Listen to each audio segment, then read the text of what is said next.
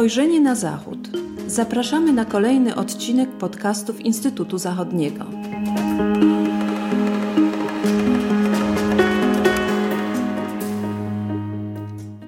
Dzień dobry, z tej strony Tomasz Morzowski. Witam Państwa w kolejnym odcinku podcastów Instytutu Zachodniego. E, kwestia konieczności rozliczenia wpływów rosyjskich w Niemczech. To jest e, taki temat, który jest szeroko dyskutowany zarówno w Niemczech, jak i w innych państwach. Pojawia się on oczywiście w kontekście e, Ostpolitik, tej niemieckiej polityki wobec Rosji, zakończonej, można to chyba powiedzieć, wprost porażką, jak pokazała obecna sytuacja na Ukrainie. Jest to też pytanie o przyszłą rolę Niemiec zarówno w Europie, jak i w relacjach z Rosją.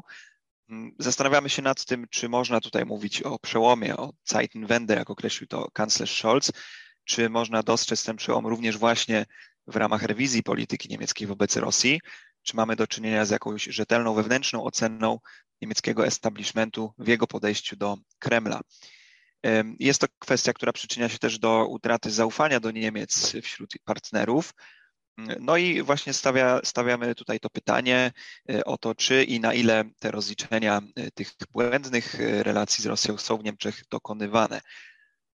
Na poziomie federalnym Komisja Śledcza wprawdzie nie, nie powstała, służąca zbadaniu rosyjskich wpływów w Niemczech, ale na przykładzie jednego z krajów związkowych, Mecklenburgii Pomorza Przedniego, możemy obserwować działalność tego typu komisji, gdzie od roku deputowani starają się wyjaśnić sprawę Fundacji Klimatycznej i innych prorosyjskich inicjatyw. E, dzisiaj właśnie e, na temat tego przykładu i generalnego procesu rozliczania niemieckiej polityki wobec Rosji porozmawiamy w podcaście Instytutu Zachodniego, również właśnie na temat Komisji Śledczej w Mecklenburgii Pomorzu Przednim. Na te tematy porozmawiam dzisiaj z analityczką Instytutu Zachodniego Patrycją Tepper. Cześć Patrycja. Cześć, dzień dobry Państwu. Zacznijmy od tego generalnego pytania, właśnie o e, również podejście społeczeństwa niemieckiego do kwestii tych rozliczeń wpływów rosyjskich w ich kraju.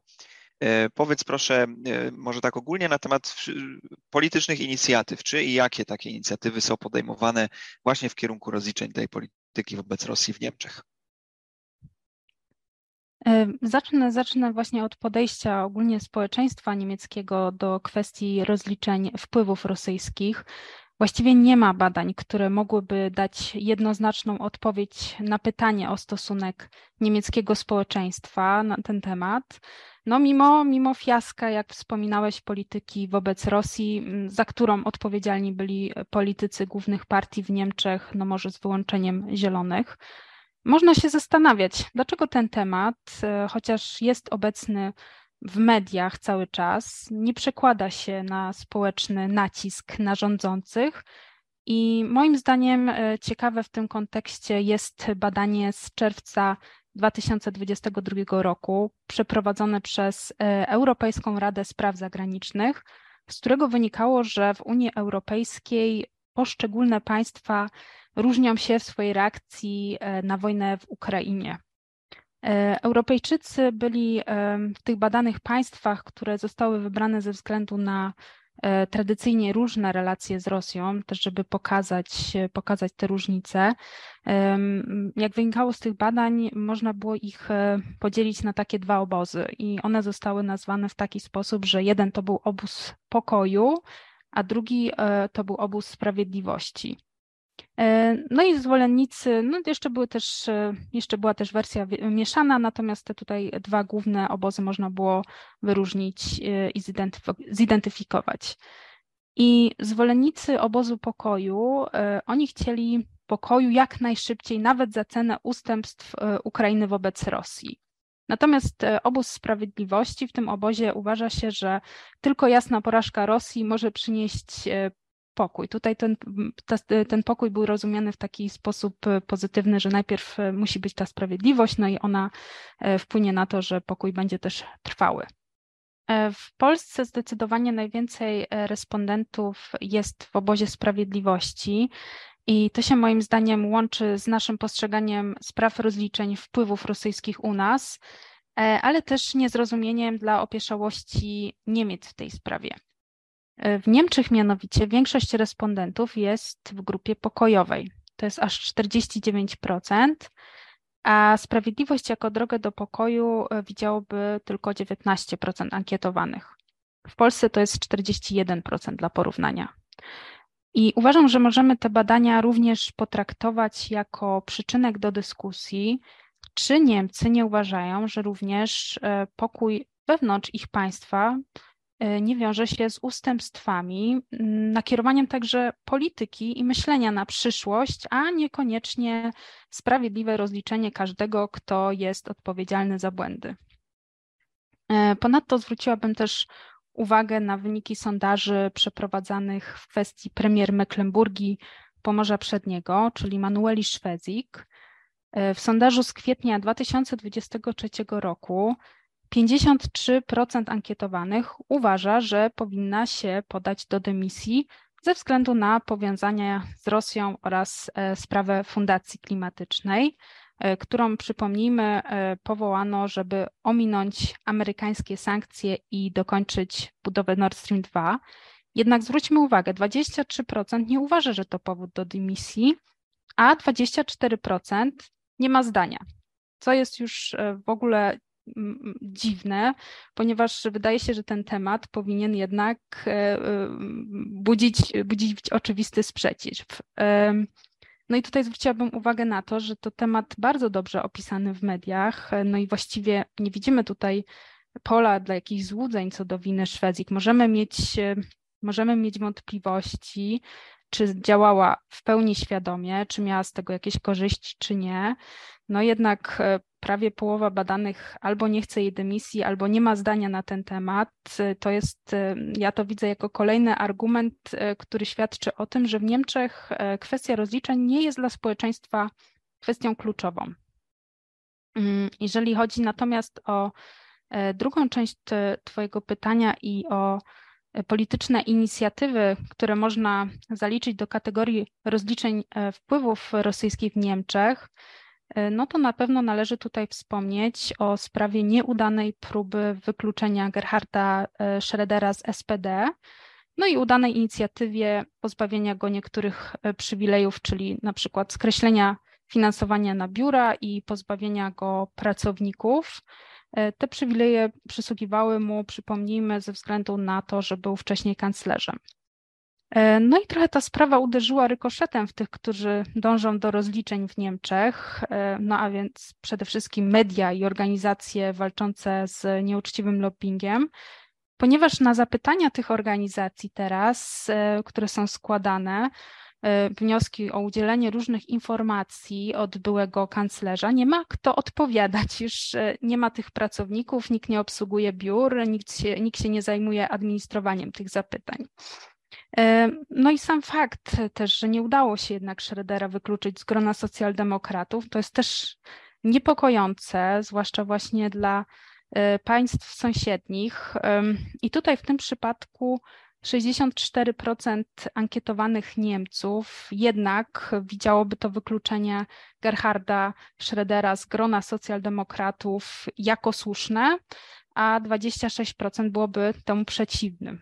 E, I tutaj też jest bardzo ciekawa sprawa, ponieważ mm, odpowiedzi na takie pytania bardzo zależą od tego, wyborcami jakiej partii są ankietowani. I na przykład w przypadku Schrödera Wśród wyborców zielonych aż 85% e, chciałoby wykluczenia e, byłego kanclerza z grona socjaldemokratów, a dla kontrastu e, w AfD, czyli partii skrajnie prawicowej, to tylko 29%. No więc widzimy także polaryzację w społeczeństwie w tej kwestii ze względu na sympatie polityczne. Kolejną taką polityczną inicjatywą, którą możemy traktować jako próbę rozliczeń e, wpływów rosyjskich w Niemczech, to była debata w Bundestagu e, na wniosek CDU i CSU, która odbyła się 1 marca 2023 roku. E, ona była zatytułowana wyjaśnienie roli premier Manueli Szwezik w kontekście wydarzeń wokół Fundacji Klimatycznej w Mecklenburgii Pomorzu Przednim. I była taką bezpośrednią reakcją e, na, na liczne doniesienia medialne, liczne doniesienia dziennikarzy, e, po tym, jak udało się ustalić, że spalono oświadczenie podatkowe Fundacji Klimatycznej. No tutaj jednak należy wspomnieć, że próba przeniesienia tej dyskusji na poziom federalny no, nie przyniosła, nie przyniosła konkretnych rezultatów. Premier Szwedzik nawet nie pojawiła się w Bundestagu podczas tej debaty. No a sama dyskusja skupiła się na kwestii Nord Stream 2 i takim wzajemnym przerzucaniu e, się winą. No nie było żadnych nowych impulsów do dyskusji, nie było też pomysłów na rozwiązanie tej sytuacji. Ta debata miała taki stricte polityczny charakter, no i tutaj oczywiście Hadecja jako opozycja próbowała wykorzystać e, sytuację też, żeby trochę podbić, e, podbić swoją popularność. Zresztą Friedrich Merz, który jest e, liderem CDU, zażądał dymisji mm, premier Szwezik, ale też spotkało się to ze sprzeciwem ze strony SPD i tutaj ciekawe powoływano się na zbiorową odpowiedzialność całej niemieckiej e, polityki za fałszywe założenia, co też nie jest do końca błędnym myśleniem, faktycznie e, coś w tym jest. No i e, najbardziej podsumowując, najbardziej sformalizowaną i bezpośrednio związaną z rozliczaniem rosyjskich wpływów w Niemczech inicjatywą jest wspomniana także przez Ciebie komisja śledcza powołana przez partie opozycyjne w Mecklenburgii i Pomorzu Przednim. Dobrze, czyli e, widzimy, że debata na temat przypadku właśnie Mecklenburgii i Pomorza Przedniego, debata na temat premier Szwezik wypłynęła na ten poziom federalny. Wspomniałaś o tym, że odbyła się specjalna sesja w Bundestagu, jednak bez większych, e, bez większych rezultatów.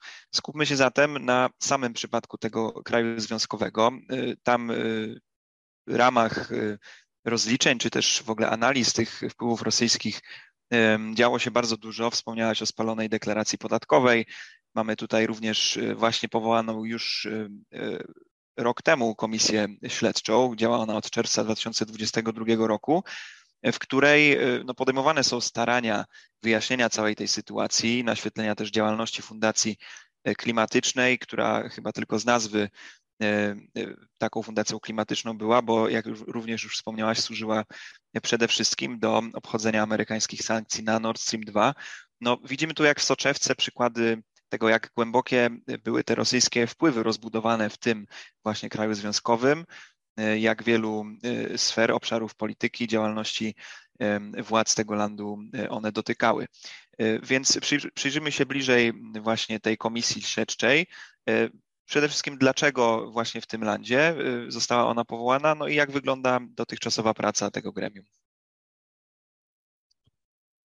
Komisja została e, powołana akurat w Mecklenburgii Pomorzu Przednim, e, moim zdaniem głównie ze względu na, na to, że rozliczeniom sprzyja e, tam układ sił w Landtagu.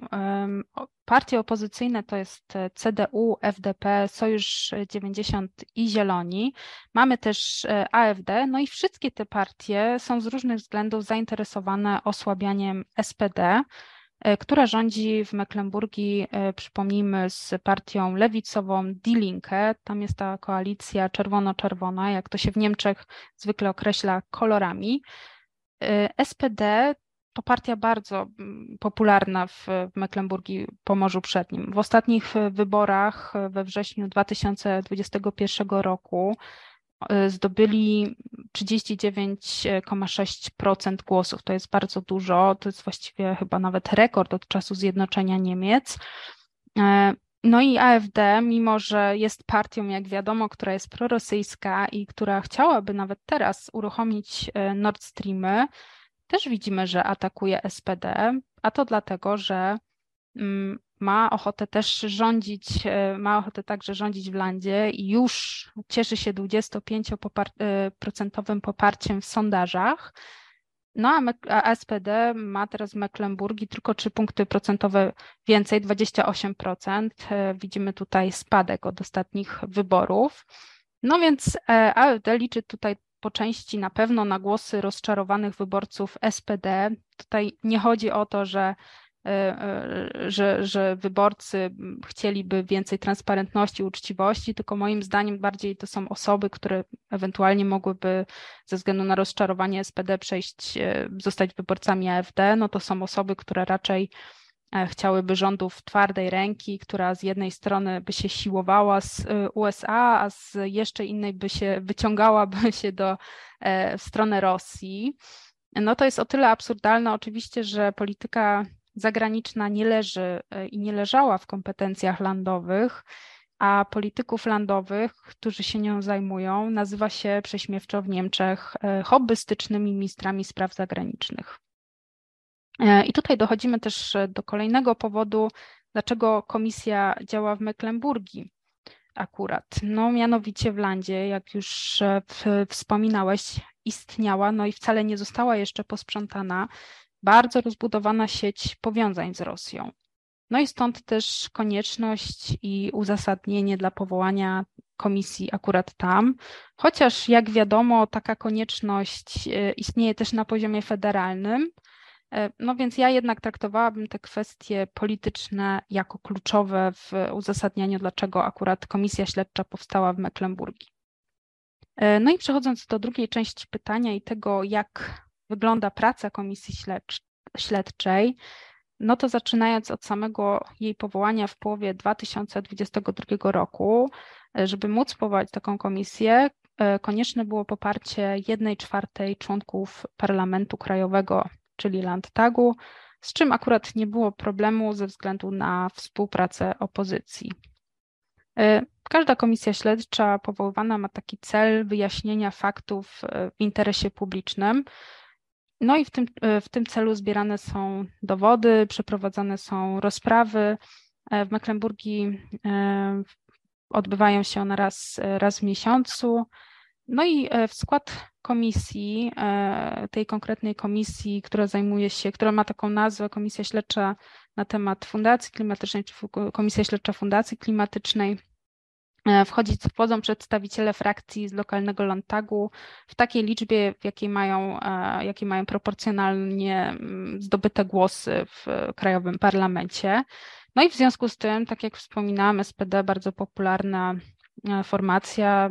Ją reprezentuje także w tej komisji śledczej pięciu przedstawicieli. Mamy dwóch przedstawicieli CDU, a reszta partii mm, reprezentowanych w Landtagu ma po e, jednym reprezentancie. No i jak tutaj nie trudno zauważyć, w związku z tym SPD i Die Linke, mm, partie koalicyjne, mają też większość, e, mają też większość tej komisji, co akurat e, wydaje mi się jednak słabością tego gremium. Celem komisji jest e, wyjaśnienie oczywiście procesów, decyzji związanych z powołaniem Fundacji Klimatycznej, bo to wcale nie są jeszcze kwestie wyjaśnione, kto przyszedł z tym pomysłem, jak do tego doszło. E, ale to nie tylko, nie tylko temat e, Fundacji Klimatycznej jest, jest obszarem pracy tego gremium. Jest to też, jest to też kwestia całego Nord Stream 2 i jaka w ogóle była rola fundacji w ukończeniu gazociągu. Jak wiemy, są teraz konflikty między partiami. SPD twierdzi, że informowało o tym, jaki będzie zakres działań fundacji. E, no, lokalne CDU nie do końca się z tym zgadza. Uważa, że zostało to w jakiś sposób pomniejszone, tak żeby uzyskać zgodę większości. Natomiast e, ostatecznie okazało się, że tych zleceń e, było praktycznie na 200 milionów euro tych zleceń przy dokończeniu gazociągu i chyba posłowie nie do końca zdawali sobie sprawę, że, że fundacja będzie działała praktycznie jak prywatna firma budująca gazociąg. Trzeba także brać pod uwagę fakt, że no, komisja musi wyjaśnić powiązanie lokalnego rządu z Rosją, który najprawdopodobniej poprzez właśnie fundacje i różne inne inicjatywy mógł wpływać na politykę e, mecklenburską. No i też oczywiście federalną poprzez to wszystko. E, ten zakres tematów jest jeszcze, jeszcze właściwie szerszy. Są aż 74 zagadnienia, nad którymi e, pracuje komisja. I to jest, jak już wspomniałam, fundacja, gazociąg Nord Stream. Tutaj nie tylko w kontekście fundacji, ale także tego, czy w ogóle wszystkie pozwolenia i wszystkie procesy decyzyjne związane z budowaniem e, gazociągu, czy one były zgodne z prawem, czy nikt nie wpływał na decyzje urzędów. E, ale są też takie inicjatywy w kolejnym obszarze tych zagadnień, jak na przykład Wasserstoffhanse, gdzie też Gerhard Schroeder był zaangażowany w promowanie tej inicjatywy. E, I ona pokazywała gazociągi jako e, nie tylko potrzebne teraz, właśnie jako już dobrze wiemy, że była taka e, narracja mówiąca o tym, że gaz jest konieczny jako taka technologia przejściowa, ale chciano też pokazać, że mimo, że no wiadomo, gaz niedługo odejdzie do lamusa ze względu na cele klimatyczne, no to gazociągi przydadzą się do transportowania wodoru. No i właśnie ta inicjatywa miała mm, reklamować, reklamować Nord Streamy jako konieczne do także przy transformacji dalszej energetycznej. No i takim ostatnim obszarem są powiązania instytucjonalne, personalne, wydaje się najbardziej budzące najwięcej kontrowersji i mogące również e, najwięcej namieszać na lokalnej, być może federalnej scenie politycznej. Natomiast trzeba tutaj dodać, że ta komisja śledcza nie pracuje takim w spokoju i przy zgodzie wszystkich partii. Są kontrowersje już właściwie od samego początku. E, ona pracuje, została powołana w czerwcu 2022 roku, natomiast e, taka rzeczywista jej praca zaczęła się dużo później, pół roku później co najmniej, dlatego że bardzo dużo czasu trzeba było poświęcić na zdobycie dokumentacji od zarządu Fundacji Klimatycznej. To nie było, to nie było takie dobrowolne przekazanie wszystkiego, e, co, co było dostępne, tylko trzeba było właściwie kłócić się o każdy dokument. I kiedy już, kiedy już dostarczono te dokumenty, to pojawił się kolejny problem, ponieważ okazało się, że osoby pracujące przy gromadzeniu tych dokumentów no, zaczerniały różne fragmenty. To miały być zaczernienia no, związane, prawdopodobnie chodziło o to, żeby ukryć wrażliwe dane osobowe, być może jakieś biznesową tajemnicę, jak to też przewodniczący fundacji, przypomnijmy, były premier kraju związkowego E, kiedyś, e, kiedyś się powoływał na właśnie tajemnicę biznesową. No ale problem polega na tym, że nie ma możliwości zweryfikowania, czy, czy słusznie ukryto te fragmenty. One są po prostu zaczernione. E, dodatkowo też odkryto, że na przykład brakuje protokołów posiedzeń zarządów obejmujących, obejmujących okres od 1 lutego 2022 roku do 1 marca 2022 roku. No więc to jest bardzo kluczowy okres, bo to był okres, w którym wiemy, y, nastąpiła inwazja Rosji na Ukrainę. No i fundacja przekonywała, że posiedzenia w tym czasie były odwołane. No jednak 22 lutego 2022 roku zarząd podjął decyzję o wstrzymaniu realizacji budowy Nord Stream 2 Wynika to wyraźnie z późniejszych protokołów, no więc takie decyzje musiały e, zostać podjęte podczas posiedzenia zarządu. No i tutaj jest taki właśnie przykład, powiedziałabym też pozytywnej e, pracy e, komisji, no bo udało się dojść, dojść do takiej informacji, że brakuje brakuje takiego dokumentu, że musiał on powstać. No i też świadczy to o tym, że zarząd okłamał, okłamał komisję w tej sprawie. Kolejnym utrudnieniem bardzo istotnym dla rzetelnej pracy komisji, e, pozostając przy kontrowersjach, no to są na pewno powoływani przez e, SPD eksperci, no i też kolejność przesłuchań. Mm, socjaldemokraci i Drinke, jak już wspominałam, oni mają większość e, i dlatego przedstawili taki wniosek, że chcieliby, żeby osoby odpowiedzialne polityczne, politycznie zostały przesłuchane jako ostatnie. No to oczywiście było, nie było tak wprost powiedziane, ale do tego się sprowadzało.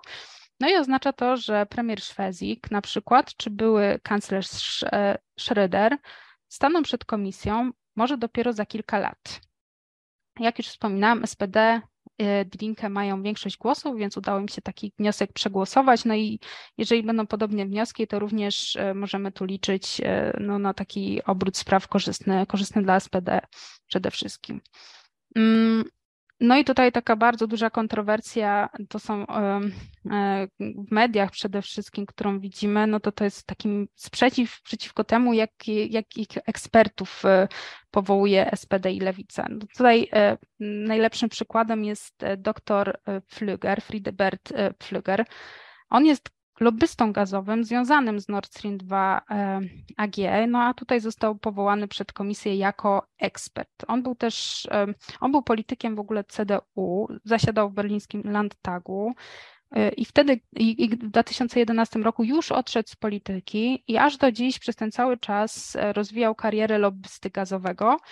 Natomiast cały czas prezentuje się trochę jako naukowiec i, i, i wykorzystuje właśnie ten wizerunek naukowca, tak żeby zmylić właściwie opinię publiczną. No i tutaj SPD powołując go na eksperta i właśnie naukowca mm, od razu to wzbudziło bardzo dużo medialny sprzeciw. Mm, tutaj, żeby, żeby określić dokładnie o co chodzi,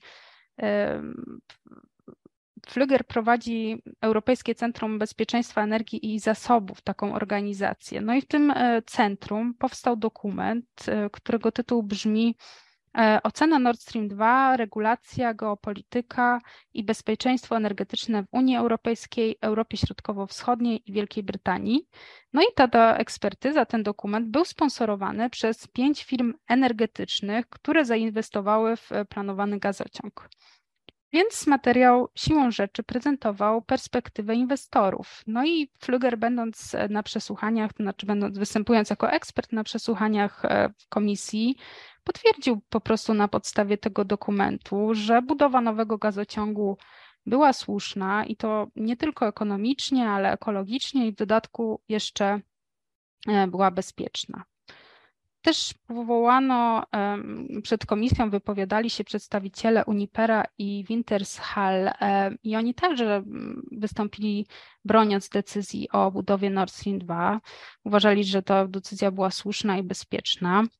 No i tutaj mamy bardzo duży kontrast, ponieważ z kolei partie opozycyjne powołały no, prawdziwych ekspertów, e, profesor Klaudię Kempfert na przykład, która jest współautorką analizy, która przeczy sensowności powstania Nord Stream 2. E, więc podsumowując, praca komisji już dowodzi, że przy powstawaniu Nord Stream 2 tworzono ekspertyzy, które się wzajemnie wykluczają. No i eksperci, ze względu na to, czy jaką instytucję reprezentowali, a nawet też jakie, jakie są ich przekonania, punkt ciężkości, jaki wybrali, no dochodzili do zupełnie innych wniosków. No i tutaj jest oczywiście problem taki, że rządzący wierzyli ekspertyzom kupowanym przez Nord Stream 2, a lobbystów traktowali jako neutralnych ekspertów. No to, co póki co zostało właśnie uwidocznione poprzez pracę komisji, jednak, e, jednak jeszcze dużo na pewno przed nami, wiele miesięcy, e, lat pracy tej komisji, posiedzeń, chociażby na ostatnim e, posiedzeniu w czerwcu lub w maju zdecydowano się powołać kolejnych 29 świadków. W dodatku Urząd Górniczy, który wydawał zgodę na budowę gazociągu e, Nord Stream 2 dostarczył 100 tysięcy stron dokumentów, także to chociażby dowodzi, że, że no, praca komisji to jeszcze, jeszcze wiele, wiele lat, e, biorąc pod uwagę częstotliwość spotkań i nie wiadomo, jaki będzie efekt końcowy tej pracy. Czyli widać, że e, Niemcy zaczęli, można powiedzieć, u, u podstaw takich, od takich bardzo szczegółowych ustaleń dotyczących właśnie funkcjonowania tych relacji E, lobbystów rosyjskich, biznesu, no i polityki w, właśnie na przykładzie tego landu Mecklenburgii Pomorza Przedniego, ale jak, jak rozumiemy z tej analizy wynika, że do jakichś konkretnych decyzji, czy też nawet przesłuchania tych najważniejszych, e, najwyższych rangą polityków przez tą właśnie komisję dojdzie dopiero za, za jakiś dłuższy czas. No, zastanawiające jest to rzeczywiście, że, że pracę utrudnia również ten układ polityczny i, i to, że to, to SPD i Die Linke, te dwie partie mają w niej przewagę liczebną, można tak to powiedzieć. Także rzeczywiście wygląda na to, że, że jeszcze potrwa to długo i, i niepewne są, można powiedzieć, konkretne rezultaty tych prac. E, no ale chciałem się właśnie Ciebie na koniec spytać o taką prognozę, o taką ocenę e, tych rezultatów, czy też konsekwencji, jakie jednak ustalenia tej komisji mogą przynieść, e, zarówno na płaszczyźnie lokalnej, jak i federalnej. Jakbyś mogła to jeszcze podsumować na koniec? Mm, na sam koniec pracy komisji zostanie sporządzony raport, ale też nawet ustalenia tego raportu, one nie mają oczywiście skutków prawnych. Zgodnie z ustawą zasadniczą Niemiec e, sądy nie są zobowiązane do uznania wyników e, tych dochodzeń, no i mają swobodę oceny faktów, e, które, które ustalono w trakcie pracy komisji. No oczywiście wszystko zależy od tego, co ustali komisja. Możliwe, że na jaw wypłyną fakty, które będą miały jednak konsekwencje prawne dla osób za, zaangażowanych w budowanie sieci powiązań z Rosją no nie jest wykluczone, że niektóre działania nosiły znamiona korupcji, no i to byłoby pewnie końcem politycznej kariery dla wielu osób, no tak przynajmniej chcielibyśmy to widzieć. No jednak biorąc pod uwagę, że lokalny establishment przetrwał skandale takie właśnie jak spalone oświadczenie podatkowe fundacji w kominku, albo na przykład e, dowiedzione kłamstwa e, na temat tego, że przedstawiciele Nord Streamu nie angażowali się w redagowanie statutu fundacji, no to jednak pozostawałabym e, ostrożna w przeszacowaniu konsekwencji związanych z ustaleniami komisji śledczej. E, jeżeli chodzi natomiast o płaszczyznę federalną, to jak wiadomo nie ma na razie planów, e, żeby powołać podobną komisję. No faktycznie frakcja Zielonych mogłaby zabiegać o taką inicjatywę, no lecz oczywiście koalicja z SPD na czele to raczej póki co wyklucza. E, CDU, CSU no na pewno też gdzieś trzymają taką kartę w zanadrzu, ale też dobrze wiemy, że to oni kształtowali politykę Niemiec ostatnich 16 lat, no i to byłby prawdopodobnie dla nich cios e, samobójczy. Dlatego podsumowując, nie uważam, żeby temat rozliczeń rosyjskich miał być traktowany w Niemczech priorytetowo w najbliższym czasie. No i jeśli powstanie gremium odpowiadające na takie zapotrzebowanie, no to też raczej pod naciskiem mediów, e, społeczeństwa, no nie, nie wiem do końca, czy to możliwe, natomiast raczej nie będzie to komisja śledcza, tylko coś, e, jakaś łagodniejsza jej forma. Może też komisja, w ramach której na przykład zostaną przedyskutowane kwestie doprowadzenia do uzależnienia Niemiec od Rosji, ale nie przewiduję tutaj takich właśnie komisji, które by miały E, wyciągnąć konsekwencje wobec konkretnych osób, które są przecież nadal aktywne w niemieckiej polityce. No właśnie, widzimy, że to też rozgrywka polityczna, e, więc bardzo skomplikowany e, proces. Został on w Niemczech zainicjowany. Na pewno przyczynił się do zwiększenia chociaż trochę zainteresowania opinii publicznej i mediów tym tematem. Co dalej, to oczywiście pytanie otwarte, które będziemy dla Państwa monitorować, szczególnie analityczka Instytutu Zachodniego, Patrycja Tepper, której dziękuję bardzo za dzisiejszą analizę. E, państwu dziękuję również za uwagę. Zapraszamy do śledzenia naszej strony internetowej, mediów społecznościowych Instytutu Zachodniego oraz do słuchania naszych kolejnych podcastów. Dziękujemy i do usłyszenia.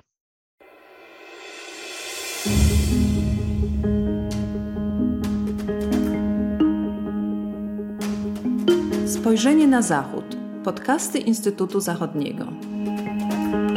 Podcasty Instytutu Zachodniego dostępne są na platformach Spotify, SoundCloud i Apple Podcasts oraz na portalu YouTube. Zapraszamy do subskrypcji. Dzięki niej będą Państwo na bieżąco z wszystkimi naszymi nagraniami. Do usłyszenia.